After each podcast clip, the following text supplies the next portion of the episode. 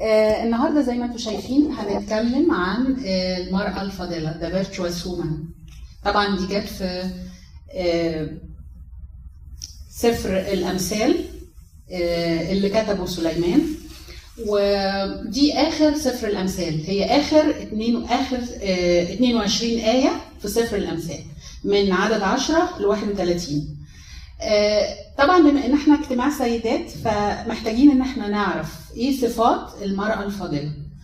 وأكيد كل واحدة فينا شايفة في نفسها حاجات كده أو حد بيقول لها انت ست مفيش زيك انت ست كويس. لكن هل ده حقيقي؟ يعني هل المقاييس بتاعتنا اللي إحنا بنقيس بيها نفسنا هي المقاييس الحقيقية؟ ولا دي حاجات بتختلف من كالتشر للتانية وبتختلف من إنسان للتاني؟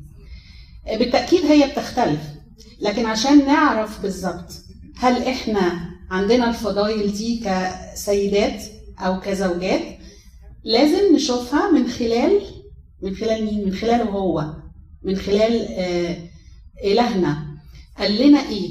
هو إدانا الكتالوج أو إدانا المواصفات بتاعة المرأة الفاضلة فإحنا بنشوف نفسنا في مرايته هو وبنقيس آه بنقيس نفسنا من خلال مقاييسه هو آه، هنتكلم آه، بسرعة يعني مش هناخد وقت هي. هنشوف كل اللي اتكتب عن المرأة الفاضلة وبعد ما نخلص هنناقش مع بعض بعض أمثلة من الستات اللي اتذكروا في الكتاب المقدس وانطبقت عليهم صفة إن هم كانوا نساء فضليات. آه، هنبتدي الدراسة في سفر الأمثال من الآية 10 آه، الآيات دي قالتها أم سليمان ليه طبعا هي اتكتبت بالوحي بتوصف له إيه هي مواصفات المرأة الفاضلة. فابتدت ابتدى بيقول امرأة فاضلة من يجدها لأن ثمنها يفوق اللئام يعني معناها إن الست الفاضلة دي يا سعد ويا هنا مين اللي يلاقيها؟ يعني محتاجة إنك تدور عليها.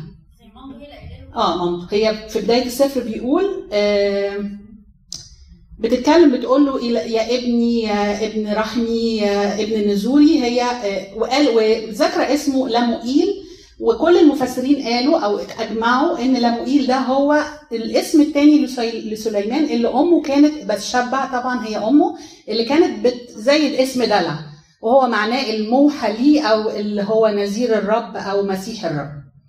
فهي وصته وصايا في الأول إنه يبعد عن شهوة النساء وإنه يبعد عن الخمر وإنه يكون ملك عادل وينصف المظلوم. وبعدين بتوصف له بقى إيه مواصفات المرأة الفاضلة. طبعا هو تبع اتبع إرشاداتها في الجزء الأول من حياته وبعدين بعد شوية انساق ل آه انساق ل... واتجوز من بنات العالم وبعدين رجع تاني وتاني دي المواصفات. هنا المرأة الفاضلة برضو أغلب المفسرين بيقولوا إن دي إشارة للنفس البشرية عموما سواء راجل أو ست لأن هو النفس البشرية هي عروس السيد المسيح.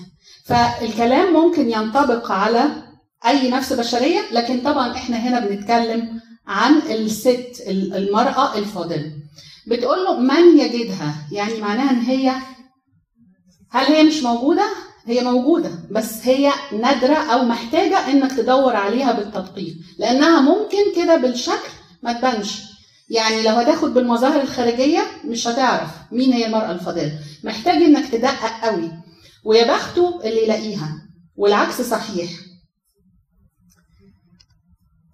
اتذكرت المرأة الفاضلة في نفس السفر أمثال في الإصحاح 12 المرأة الفاضلة تاج لبعلها أما المخزية فكنخر في عظام تتخيل الفرق بين إن واحد يقتني أو يتجوز امرأة فاضلة بتبقى زي التاج على راسه يعني بتبقى مزينة كل حياته مدياله الهيبة والوقار قدام الناس وبتبقى هي الدنيا بالنسبة له. والعكس لو هي حمقاء أو جاهلة أو غير حكيمة بتبقى زي ما تكون حاجة بتنخر في فعلا بتخلي حياته كلها متلخبطة وبتسبب له مشاكل كتيرة وأكيد إحنا بنشوف أمثلة على كده في حياتنا.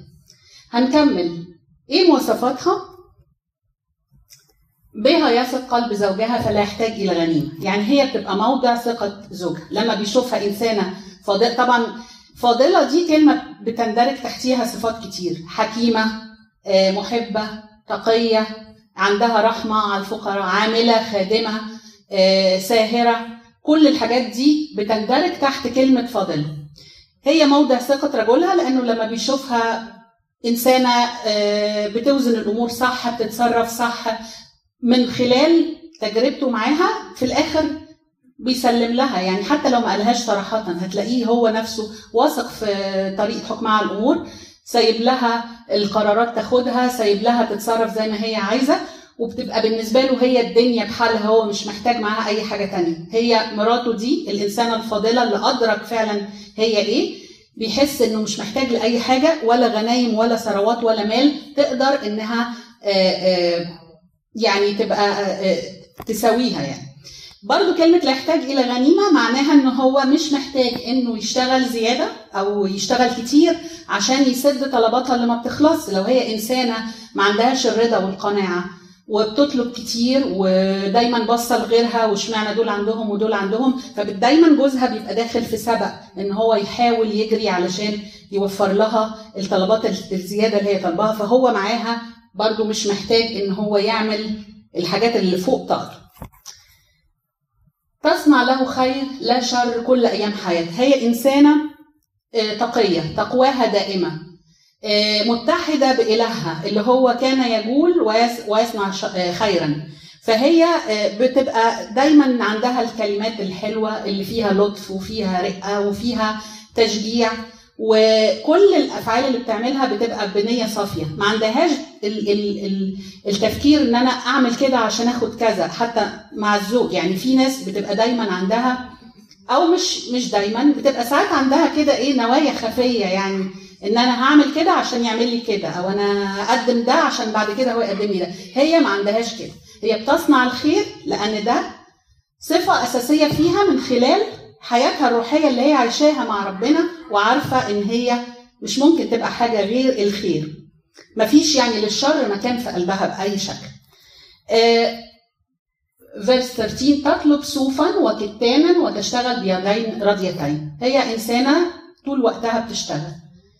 بتعمل حاجات لأسرتها. يعني لو عندها وقت فاضي دايما شغالة. مش مش مهم عندها إنها تقعد مريحة ولا تقعد تتزوق ولا تقعد يعني أنا خلاص أنا كده عملت اللي عليا خلاص. هي على طول بتعمل حاجات وبتبقى سعيدة وراضية. ده حتى يدين راضيتين يعني حتى إيديها اللي بتشتغل الحاجة إيديها نفسها راضية فالحاجة تطلع جميلة لأنها بنفس طيبة. Whenever it is possible. ما هو ده اللي عايزة أقوله. لا كل الحاجات دي ممكن تتعمل لما يكون في وقت. يعني هي مش م... مش شرط إنها تعمل ده وده وده وده في نفس اليوم لكن هي عندها الاستعداد دايما لو أسرتها محتاجة ده آه إن هي ممكن عشان توفر إنها ممكن تعمل بإيديها آه آه الملابس لأسرتها فهي ما عندهاش مانع إنها تعمل كده بنفس راضيه بدون تذمر. يعني ما تجيش بعد كده تقول لهم مش كفاية أنا بعمل كذا مش كفاية أنا بعمل شايفيني تعبانة التذمر والمعايرة الشكوى. يعني هي لا ما إحنا اتفقنا إن دي المواصفات. إحنا محتاجين محتاجين إن إحنا نشتغل. لا ما أنا هقول لك. ما كلنا عندنا اللي انت بتقولي عليه ده. يعني ما هو دي الواقع. إحنا اتفقنا من الأول إن إحنا عايزين نشتغل على نفسنا عشان نوصل للصورة اللي ربنا عايزنا نبقى عليها. فبنشتغل واحدة واحدة. الحاجات الكويسة اللي موجودة اوريدي كويس بننميها. لكن الحاجات اللي مش موجودة نحاول نقتنيها. فالشكوى وإن أنت حاسة إنك مش راضية أو حاسة إن أنت مظلومة أو جايين عليكي هنعرف ليه بقى؟ إزاي نتغلب على النقطة دي؟ لأن في حاجة مهمة قوي في يعني حقيقة غايبة عن أذهاننا هنعرفها من خلال الكلام ده. Okay. هنا الصوف والكتان استخدم الكلمتين دول. الكتان كانوا بيصنعوا منه بيصنعوا منه الملابس الداخلية فهو بيشير للحياه الروحية. والصوف الملابس اللي بره بيشير الحياة الجسدية أو الاحتياجات الجسدية. فهي بتعمل بتسدد الاحتياجات الروحية لأسرتها والاحتياجات الجسدية وبتشتغل برضا. فدي الصفة الثالثه إنها إيه؟ ست عاملة ما بتعرفش الكسل. يعني بتقدم اللي تقدر عليه منين ما أسرتها بتحتاج. هي كسفن التاجر تجلب طعامها من بعيد. يعني بيشبهها بأسطول السفن اللي بتجيب كل الخير من بعيد. دايما محملة بالخيرات لأسرتها وقدامها هدف. قدامها هدف هي عايزة توصل له وعايزة تاخد معاها آه، زوجها وأولادها أو أسرتها الحلقة الضيقة اللي هي عايشة فيها. في هدف قدامها هي عايزة توصل له. ما هياش بتعمل كده بس عشان هي اتحطت في في الأسرة دي ولا هي اتحطت في المكان ده بتدور في ساقية وخلاص. هي عارفة كويس قوي هي عايزة توصل بيهم فين. آه، هي ساهرة. آية 15 بتقول تقوم إذ الليل بعد وتعطي أكلا لأهل بيتها وفريضة لفتياتها. يعني ممكن إن هي بتصحى بدري ده مش بتصحى في الفجر بتصحى كمان قبل الفجر لو لو الأمر احتاج لسه الليل تحضر أكل وتحضر تجهز حاجات وبتدي في ده مثل لو عندها بنات أو أولاد هي بتعودهم وبتديهم مثل إن هم يكون ليهم التزامات وتديهم التزامات محددة في البيت علشان هم نفسهم يتدربوا ويبقى عندهم المفهوم ده إن كل واحد في الأسرة ليه آه، شغل المفروض يعمله ويشارك بيه. فهي بكده بتدي مثل ليهم.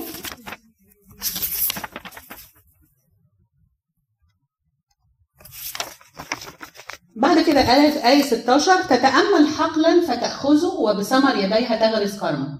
طبعا دي في حالة إذا كانت آه، ست فلاحة، لكن لو مش فلاحة ما عندناش حقول، لكن هي ممكن تنزل تشتغل، فدي بتنطبق علينا إن هي ممكن تشتغل عشان تساعد جوزها ماديا وعشان تشارك برضو في إن هي بتشيل الحمل من عليه.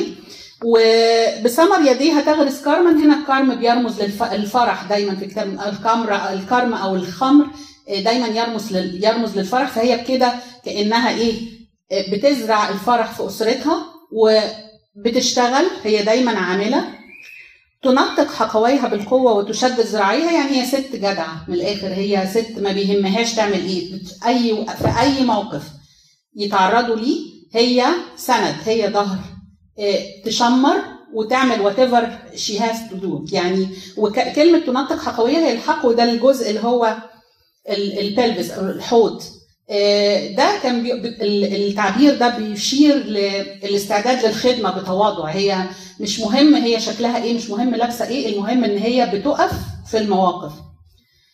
تشعر بعد ما عملت ده كله بقى هي حاسة بإيه؟ تشعر إن تجارتها جيدة سراجها لا ينطفئ في الليل. هي في كل ده إيه تجارتها يعني؟ هي إيه اللي بتعمله ده كله؟ إيه التجارة الجيدة بتاعتها؟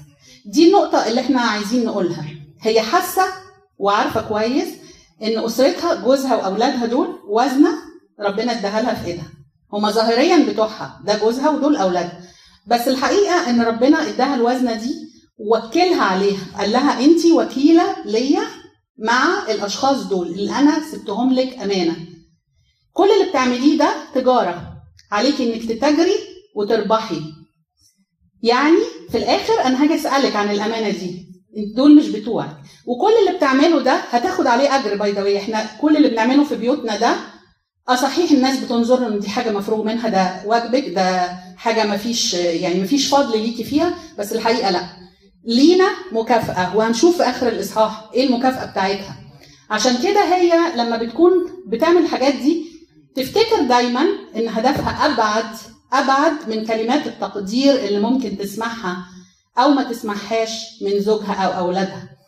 يعني حتى لو ما تقدرتش هي في حاجة أبعد من كده وهنعرفها هي فرحانة لأن التجارة بتاعتها جيدة. هي بتتاجر وبتربح النفوس اللي حواليها دي عشان تاخدهم في الآخر معاها وتقول يا هو أهو يا رب أنا جبت الأمانة وربحت وفي الحالة دي هو هيديها المكافأة ويقول لها الكلمة الجميلة اللي هنعرفها بعد كده. تبسط كفيها للفقير؟ sorry أنا I skipped one آه سراجها لا ينطفئ في الليل. هي إنسانة ساهره either ان هي بتخلص شغل خصوصا لو عندها أطفال طبعا. كل كل أي واحدة بتسهر عشان أطفالها. ساهره لأنها ممكن تكون بتصلي. السراج بتاعها لا ينطفئ اللي هو قرايتها في في ال Bible. آه بتصلي من أجل أسرتها. فهي إنسانة مجتهدة ما بتعرفش الكسل. تمد يديها إلى المغزل وتمسك كفاها بالفلكة بالفلكة. الفلكة دي اللي بيربطوا فيها الصوف فوق وبعدين بينزل منها المغزل اللي بتغزل عليه الصوف فده برضو شغل بتعمله لبيتها. وبتشير للأعمال الصالحة اللي هي بتعملها دايما. وفي كده هي في كل ده هي مش بتطلب معونة من حد. وإن كانت هي بتديهم مثل أو بت لأولادها إن هم يبقوا زيها.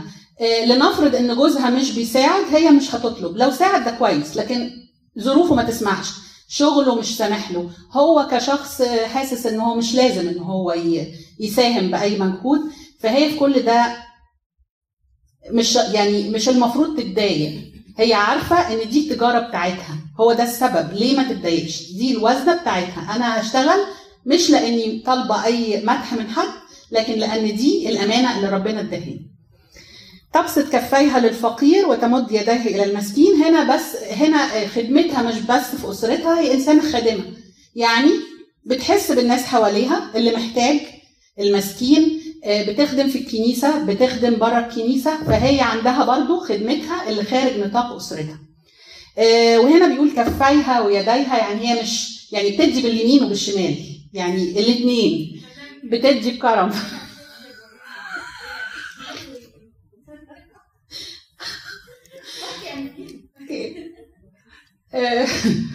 فهي إنسانة كريمة آه، إنسانة كريمة في خدمتها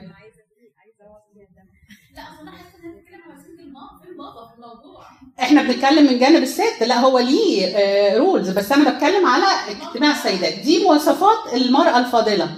هو كمان ليه رولز ليه حاجته لوحده. أنا ما جبتش سيرتها مش معناه إن هو ملوش دور. بس أنا بقول لك لنفرض إن انت انت المفروض تعملي كده.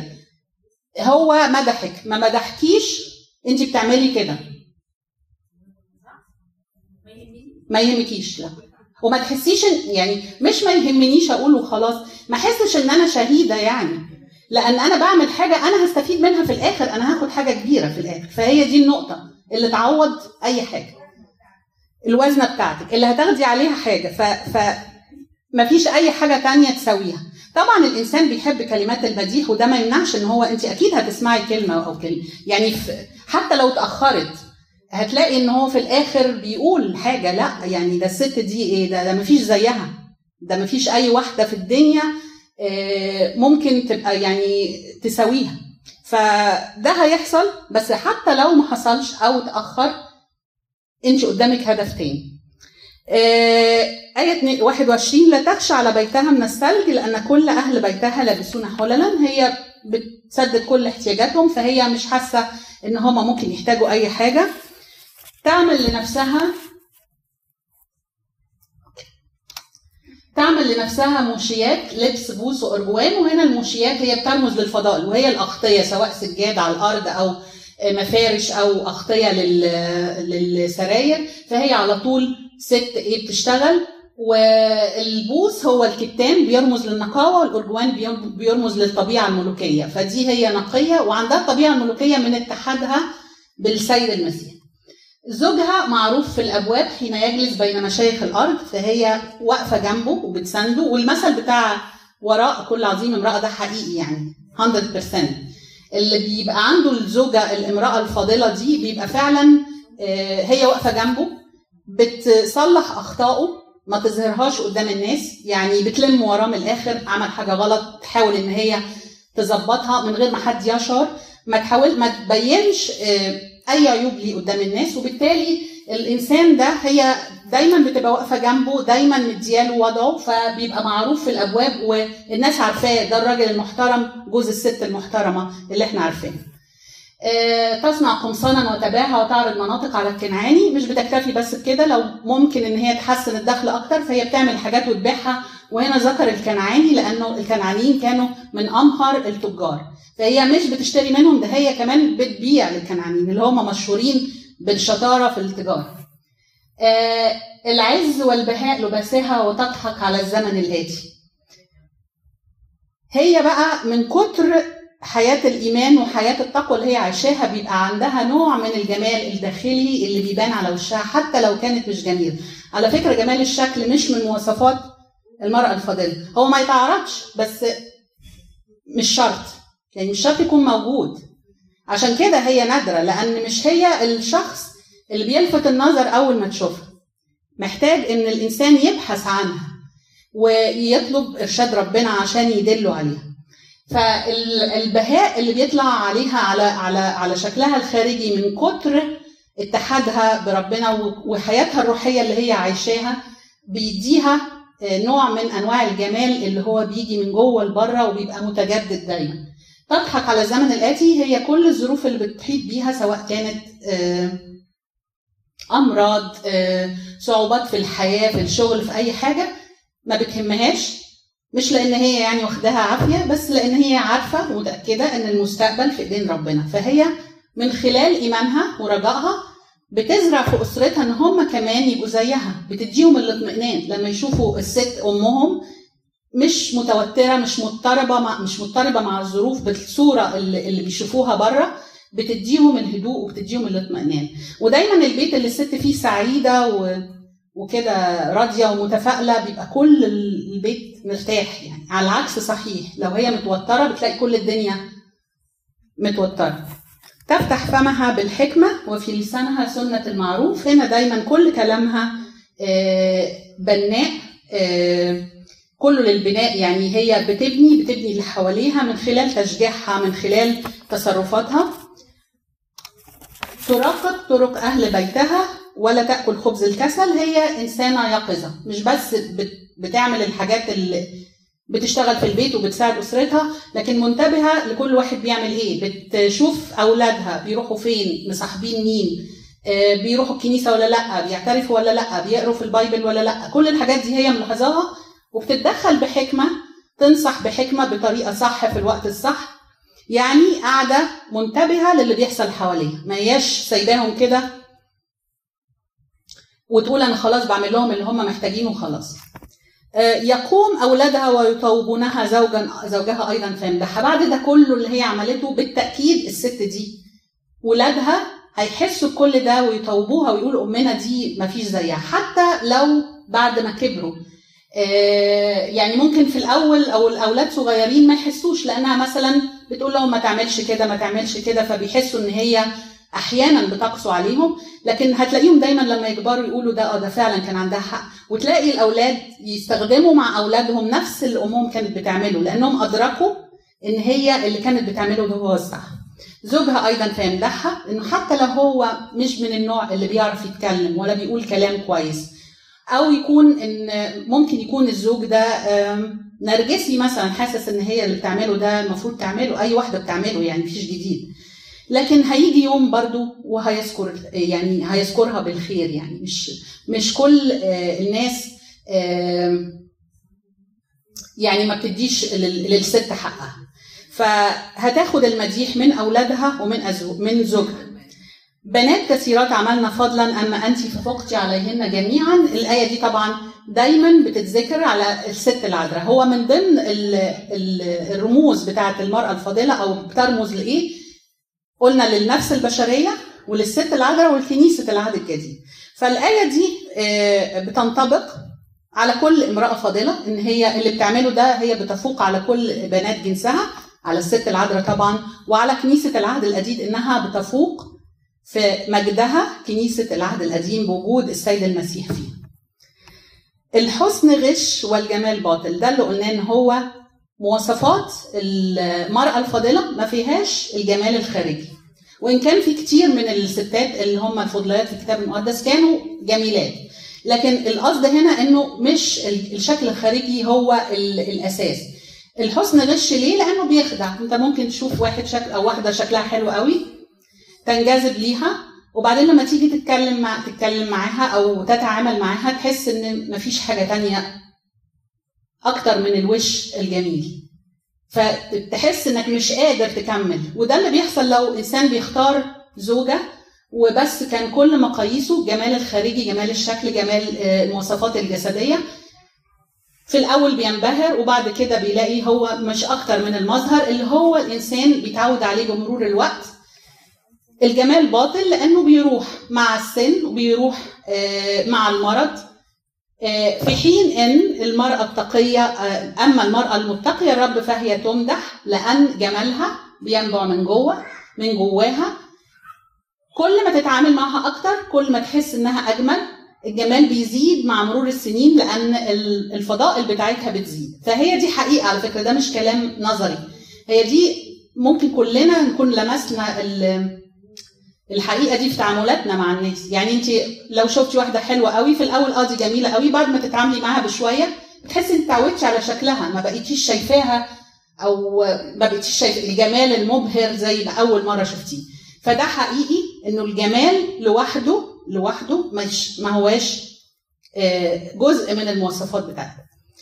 في الآخر آه، هنقول بي بي بي يعني الوحي الإلهي بيقول اعطوها من ثمر يديها الست الفاضلة دي. اعطوها من ثمر يديها ولتمدحها أعمالها في الأبواب. هي دي المكافأة الحقيقية إن هي زي ما زرعت زي ما هتاخد ثمر تمدحها أعمالها في الأبواب بتزكيها أعمالها. الأبواب هنا اللي كانت أبواب المدن بيقعد عندها القضاة ويحكموا بين الناس. فلما يقول أبواب هو بيقصد الدينونة في اليوم الأخير. أعمالها اللي هي عملتها دي مع أسرتها وخدماتها خارج إطار بيتها وكل اللي إحنا وصفناه ده هت- هتزكيها وهتمدحها في اليوم الأخير وهتسمع الصوت اللي بيقول لها إيه؟ نعم أيها العبد الصالح والأمين كنت أمينا في القليل فأقيمك على الكثير ادخل إلى فرح سيدك. هي دي الوزنة اللي هتسلمها بالأرباح وهياخدها من إيدها وهتزكيها. عشان كده بنقول إن المرأة الفاضلة ليها أهداف تانية غير إن هي مجرد إن هي بتعمل الدور اللي المفروض أي زوجة تعمله. هي بتعمله لأنها عارفة إن في إيديها وزنة ربنا استأمنها عليها وهي لازم تكون عبد أمين أو وكيل أمين. آه، هنا دي آيات اللي بت- بتقول يعني إن إن الجمال بيجي من من جوه هو جمال داخلي جمال التقوى والروح. آه، دي من رسالة بولس لتيموثاوس وكذلك إن النساء يزين ذواتهن بلباس الحشمة مع ورع وتعقل لا بضفائر أو ذهب أو لآلئ أو ملابس كثيرة الثمن بل كما يليق بنساء متعهدات بتقوى الله بأعمال صالحة. وبرضه في رسالة آه، بطرس الأولى بل إنسان القلب الخفي في العتيمة الفساد زينة الروح الوديع الهادئ الذي هو قدام الله كثير الثمن يبقى الروح الوديع الهادئ ده في حد ذاته زينة هو في عين ربنا وفي عين الناس اللي بتتعامل مع الشخص ده هو كثير الثمن خرج لك اسم في الأمم لجمالك لأنه كان كاملا ببهائي الذي جعلته عليك يقول السيد الرب وهنا بيكلم أورشليم في سفر حزقيال بيقول إن بهائي اللي أنا حطيته عليكي اداكي جمال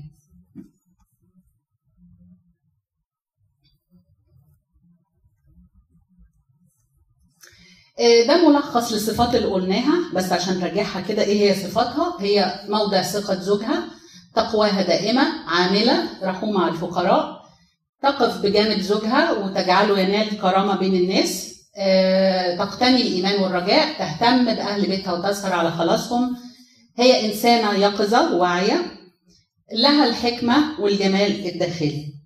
آه، أنا كده خلصت. لو في حد عنده سؤال وبعدين هنبتدي نشوف أمثلة من البايبل عن شخصيات. أنا ابتدي okay أبيجيل. yeah the first one أنا عايزاكم أنتوا كنتوا تتكلموا بس يعني ال slide طلعت آه، آه، في في في شخصيات تاني. يعني لما جيت أدور كانت أبيجال أول شخصية يعني تكليك كده لأن هي آه، من من من السيدات اللي ظهرت قوي إنها فعلا امرأة فاضله امرأة حكيمة. والحكمة دي جزء كبير من الفض... من من اللي هي من ال-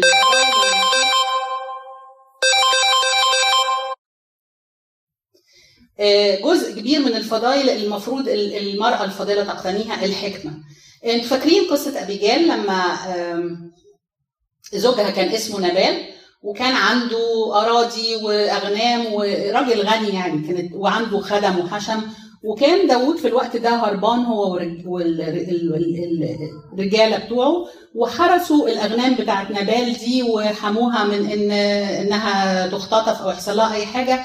وفي الآخر بعت له آه، تفتح جزء. آه آه لما لقاهم بيجزوها عرف إن خلاص الرعي خلص فبعت له آه، الغلمان بتوعه برسالة يعني في منتهى الأدب والرئه بيطلب منه إنه يقدم بس أكل وشراب للناس اللي تعبوا دول. آه، يعني بيطلب منه بصورة يعني مهذبة جدا. وكان بقى الرد يعني على العكس خالص إن مين داوود ومين يسع وإنتوا إزاي بتطلبوا حاجة زي كده. فراحوا الغلمان قالوا له طبعا داوود بضعفه البشري اتنرفز. اتنرفز وقال طيب ده أنا هسوي وهسوي وهسوي جريوا الغلمان بقى ما راحوش لنبال اللي هم اللي راحوا داوود رد عليهم. ما ما رجعوش للراجل ليه؟ لأنهم عارفين عنه إنه راجل هو حتى نبال معناها الجاهل أو الأحمق. فهم عارفين إنه راجل يعني تصرفه يعني يعني وحش. يعني هم مدركين ده. فبسرعة راحوا على السيدة ابيجال أبيجايل وقالوا لها ده حصل كذا وكذا وكذا وقال له كذا وداوود جاي هيدمر الدنيا هنا. راحت هي بسرعة بدرت وما سألتش ما راحتش لنبال بقى جوزها ولا قالت له إيه اللي عملته ولا أنا هعمل كذا وحملت آه، آه، أكل وقمح وزبيب وتين. عملت قطيع من ال- الهدايا والعطايا الأكل والشرب. وقابلت داوود وهو جاي في الطريق وعملت إيه؟ ده- أبيجايل دي كانت هانم يعني مش مش ست عادية يعني. ست عندها غنية وبيشتغل تحت إيديها ناس كتير. بسرعة نزلت وسجدت وقالت له خلي ده اعتبر دي غلطتي أنا. يعني هي شالت خطأ جوزها. وبكل صدق وبكل تواضع حقيقي لأن هو التواضع لو لو مصطنع بيبان. يعني هو فوجئ داوود باللي بتعمله ده ومدح آه، حسن تصرفها وقال لها يعني ما معناه إن هي كأنها ملاك ربنا أرسله ليه علشان يوقف سيل الدماء ويمنعه من هو يعمل خطية لا تليق برجل الله. فكانت أبيجايل سبب في إن إنها صلحت الموقف اللي كان فيه هيبقى سيل من الدماء وبعد كده لما رجعت وقالت لنبال جوزها يبدو إن هو زعل وانه مات بعد 10 أيام من الحادثة دي. آه وطبعا داوود ما نسيش آه ما نسيش طبعا ال ال الإنسانة اللي شافها دي فبعت لها وطلب إن هي تكون زوجة ليه وفعلا وافقت وكانت زوجة لداوود. طيب حد تاني بقى؟ يعني اكزامبل تاني ل روس صح؟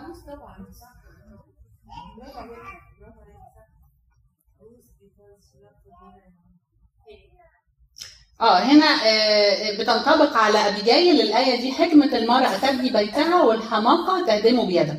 نشوف أبيجايل عملت إيه بحكمتها ونشوف حماقة زوجها كان ممكن يسبب كوارث قد إيه. لو هي سابت الموضوع كده وخل... وقالت خلاص أنا هعمل إيه؟ يعني ما هي هي شالت آه، الخطأ بتاعه.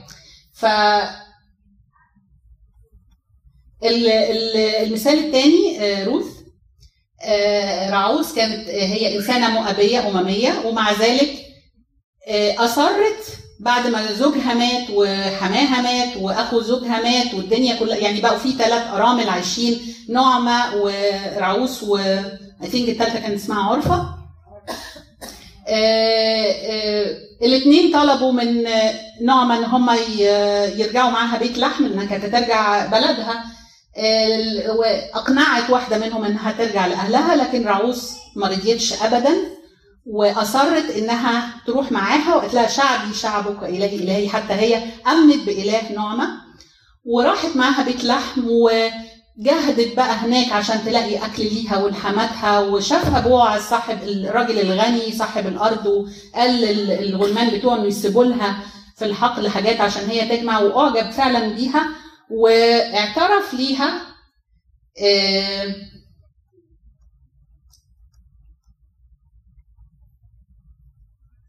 هوريكم بس الآية اللي قال لها فيها إن هي فعلا إنسانة فاضلة.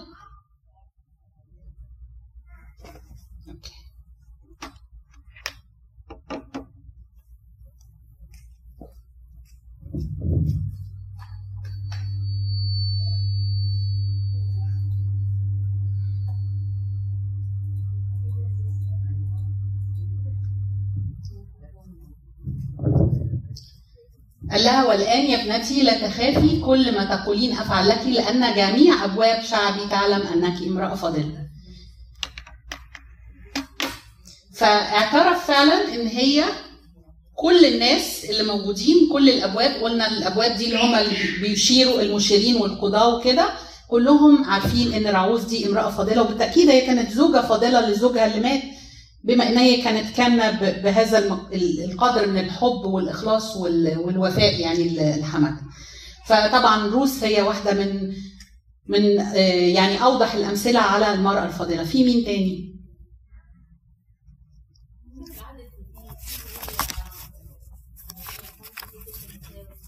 يا آه، آه، لؤيس وأفنيكي. أمه لؤيس وجدته أفنيكي. دول من ال... صح يا عبير من الأمثلة اللي هو يعني هو اعترف إن هو نقلوا له الإيمان فكانوا من أمثلة يعني النساء الفضليات اللي موجودين في الكتاب المقدس دي صح. إيه كمان؟ كاندي لا مفيش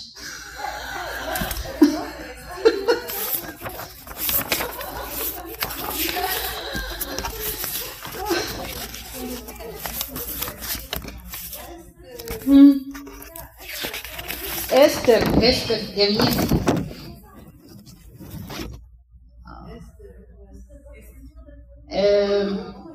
استر كانت من ضمن الأمثلة الجميلة جدا لل- للمرأة الفاضله وإحنا عارفين هي اتجوزت آه، الملك احشاويرش الملك الفارسي وكانت سبب في خلاص شعبها. وما تهاونتش ولا تخاذلت على الرغم يعني في الأول هي كده يعني قلقت بس يعني استجابت لنصيحة آه، ابن عمها مردخاي ودخلت على الملك وبكل شجاعة وبكل حكمة وأقنعته وعرفته طبعا إن هي يهودية وإن الشعب ده هي يعني آه، بيمد ليها بصلة وإن هي مهتمة بيهم وفعلا قدرت إن هي تقنعه إنه يصدر مرسوم إن الشعب اليهودي ممكن ليه الحق إنه يدافع عن نفسه وأنقذت فعلا شعبها من خطة هامان اللي كان عايز يفني الشعب اليهودي.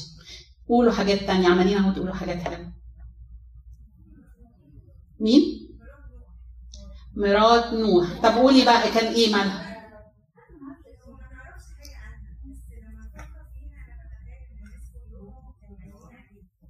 طب استنى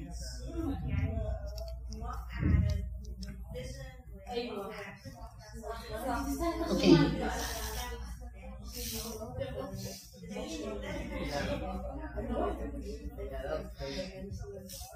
بالظبط هي زي ما ماريا بتقول آه، زوجة نوح آه، هي آه، أيدته وسندته في الوقت اللي كان كل الناس بتستهزئ بيه لأن هو قعد سنين طويلة يبني الفلك ومش شايفين لا في طوفان ولا في حاجة. فطبعا يعني أنا بتصور الناس دول يعني إحنا لو في مكانهم كتير مننا برضو هيستغرب. يقول الراجل ده ممكن يكون مش طبيعي أو مجنون لأنه سنين طويلة شغال وبعيد عن البحر بيبني الفلك ومفيش أي حاجة حصلت من هو بيقولها. لكن واضح إن هي كانت آه، امنت بكلام ربنا ليه وكانت بت بتسنده example تاني.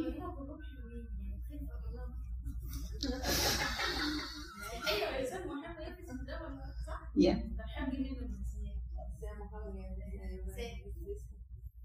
ها؟ تقولوا ولا كمل؟ أنا الليست أنا عايزة.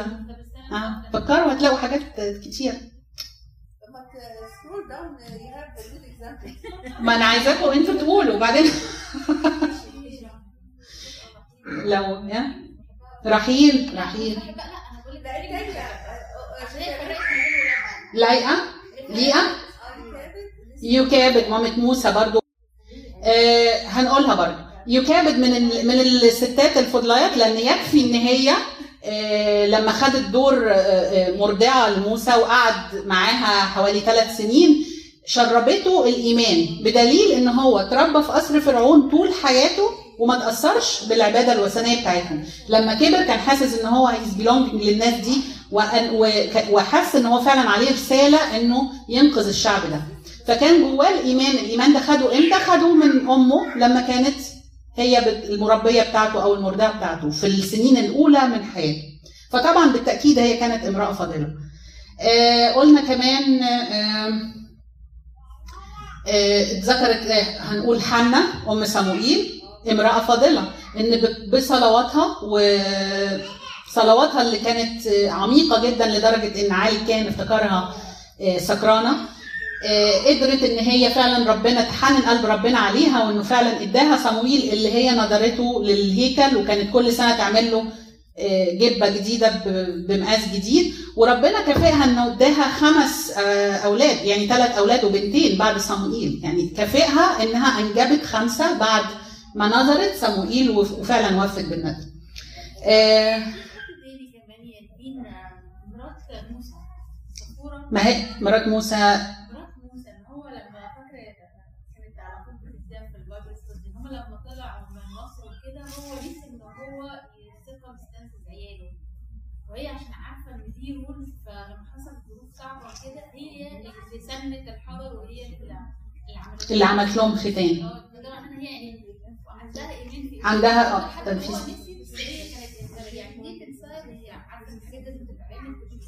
أو ده مثلا العهد ما بينها وما بين ربنا برافو يا عبير حلو.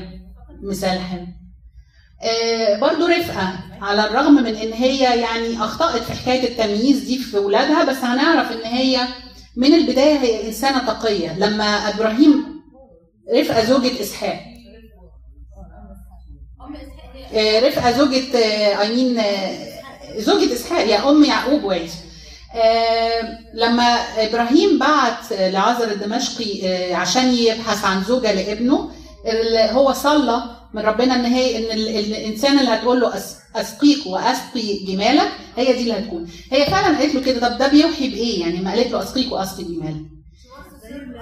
يعني إن هي عندها الإحساس يعني عندها الإحساس بالخدمة وعندها الإحساس بالحيوان الضعيف اللي مش قادر يعبر إن هو عطشان أو جعان أو تعبان. فقال دي الإنسانة فعلا اللي هي تصلح زوجة آه، لإسحاق. و آه، فعلا كانت زوجة يعني واضح إنها كانت زوجة رائعة لأن حتى قالوا هي سابت أهلها ووافقت وسابت أهلها وسافرت لبلد تانية عشان تعيش مع واحد هي ما شافتوش وأول ما شافها أحبها اتذكر إنه أحبها وكانت معزية ليه عن امه سارة. يعني هي عوضته آه، كل حاجة. كانت هي كل حياته رفقة. فبالتأكيد كانت امرأة فاضلة. آه، حكاية إن هي ميزت أو ميزتش فدي بيترد عليها إن هو ربنا نفسه كشف لها إن إن الصغير هيملك على الكبير. يعني اداها الخيط ده في ان هي هتبقى his own way بال- his own way يعني هو أنا ما هو طبعا هي غلطت في التنفيذ لأنه كان في خدع. لكن يعني ممكن نديها إيه نفوتها لها؟ يعني ممكن نفوتها. آه سارة من ضمن بقى دي بقى يعني دي دي الوصية اللي بتتقال في في الجواز إن إن إن هي تكوني زي سارة اللي كانت بتقول لابراهيم سيدي. لا دي فيها نقطة بقى حكاية اتجوز عليا دي. هي دي أنا قريتها يعني. آه سارة من الناس اللي هم اتذكروا في عبرانيين 11 من ضمن هي سارة فهمت من. هنقول من البداية هي سندت إبراهيم إزاي آه طوعته في إنها تسيب أور الكلدانيين وإنها تمشي معاه بناء على طلب ربنا ليه إنه امشي اطلع من البلد بتاعتك وروح للأرض اللي أنا هوريها لك فهي طوعته في كده لأنها أمنت بإن فعلا الكلام ده جاي من ربنا وإن هي لازم آه، يعني تفولو سابت أهلها وسابت بيتها وسابت حياتها المريحة وابتدت تتنقل مع إبراهيم في المهم آه، آه، كانت مطيعة لزوجها وماشية معاه طول حياتها. لما ربنا وعدهم إن هي هتكون أم لابن الموعد أو إن ربنا هيديها ابن في شيخوختها هي فضلت مستنية. والوعد اتأخر. فحست هي بتفكيرها البشري حست إن هي عليها دور لازم تعمله من جانبها عشان وعد ربنا ده يتحقق. إيه الدور؟ إنها تتخلى عن كبريائها وحبها لزوجها.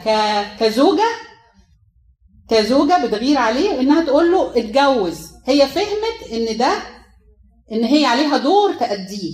يعني إن إن التنفيذ الوعد ده هيجي ثرو هير ثرو إن هي تتخلص من كبريائها. والمشاعر الغيرة اللي عندها وتقول له اتجوز بتضحي يعني هي بنفسها. طبعا كان تفكير خاطئ لكن هي افتكرت كده. وربنا بعد كده قال لأ أنت ابن الموعد هيجي من سارة مش من أي زوجة تانية. فهي لما عملت كده دي أنا قريتها كتير يعني إن هي آه، اتفسرت بإن هي حست إن ده دورها اللي لازم هي تقدمه إنها تتنازل علشان وعد ربنا يتم. إنه هي ما فهمتش إنه هي هتكون أم آه، إسحاق. والدليل على كده زي ما بقول لك إنها اتذكرت من ضمن أبطال الإيمان. فما كانش ده ضعف إيمان. هو كان سوء فهم. كان سوء فهم. افتكرت إن هي لازم تضحي عشان الوعد ده يتنفذ. آه، فدي بالنسبة لسارة. وطبعا هي اكزامبل الاحترام الزوج. يعني كانت بتقول له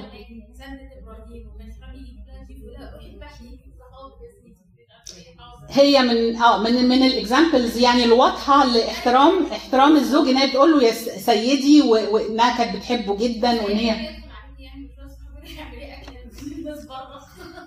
Uh, I attended a wedding last week, and uh, when they said this part, Abuna said it, he put it very nicely. Out of her love to him, she put him Lord, which I didn't hear before, but it was nice to put it because a lot of people are saying that nowadays who calls their husband Lord?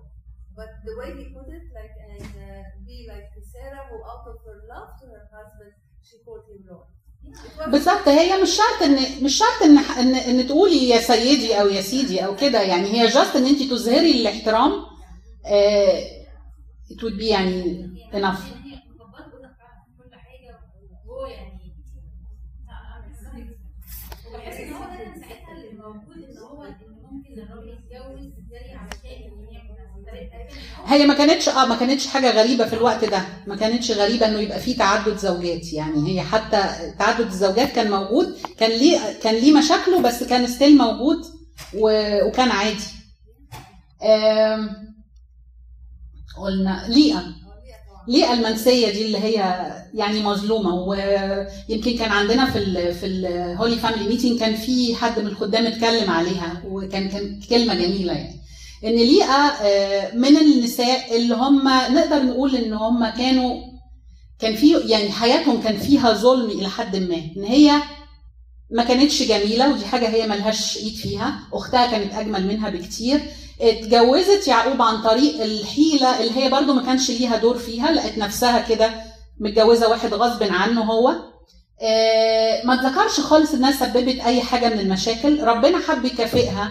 عشان هي كانت يعني متجوزاه عارفة إنها مش حلوة وعارفة إن هو ما بيحبهاش وعارفة إنه بيحب أختها. يعني تخيلي مدى الألم النفسي اللي هي كانت عايشة بيه. وعلى الرغم من كده آه، آه، ما اتذكرش إنها سببت أي مشكلة. ربنا كافئها بإنها جابت ستة وجابت دينا يعني جابت سبع آه، أبناء منهم يهوذا اللي جه منه السيد المسيح. وكمان ربت يوسف وبنيامين بعد ما رحيل آه، آه، ماتت. فهي كانت يعني أم تانية ليوسف وبنيامين ولم يذكر إن هي تعبتهم أو إن هي آه، ضايقتهم في حاجة بل على العكس يوسف كان الابن المفضل في وجود أولاد ليئة وفي في عدم وجود رحيل. يعني استمرت هي الزوجة والأم اللي بتدي على طول وفي المقابل ما خدتش كتير. لكن ربنا عوضها بالأولاد اللي جابته فمن ضمن يعني النساء اللي ممكن نقول إن هم كانوا نساء آه، امرأة فاضلة آم، رحيل برضو كانت آه، آه، امرأة فاضلة وزوجة يعني نقدر نقول إن هي كانت زوجة صالحة لزوجها بدليل إن هو كان بيحبها حتى على الرغم إن هي ما كانتش بتخلف في الأول وكانت بتصلي كتير عشان ربنا يديها أولاد وفضل آه، يعقوب يحبها حتى بعد ما ماتت. كان بيروح على قبرها وي وي يعني دايما يزور قبرها ويبكي هناك. ده دليل إن هي فعلا كانت زوجة يعني من ما تتنسيش يعني بالنسبة له. ما فيش حاجة عوضته عن رحيل حتى مع وجود ليئة ووجود أولاده. أفتكر كده لو حد عنده تاني أي أمثال. thank you very much يعني أنا thank you على الفرصة وأتمنى يعني تكون الكلمة كانت خفيفة. thank you.